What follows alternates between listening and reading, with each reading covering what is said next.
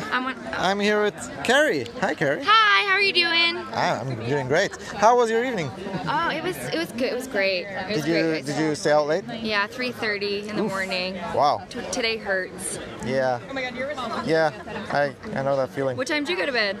Um, around two, I think. Okay, that's like what time in Stockholm?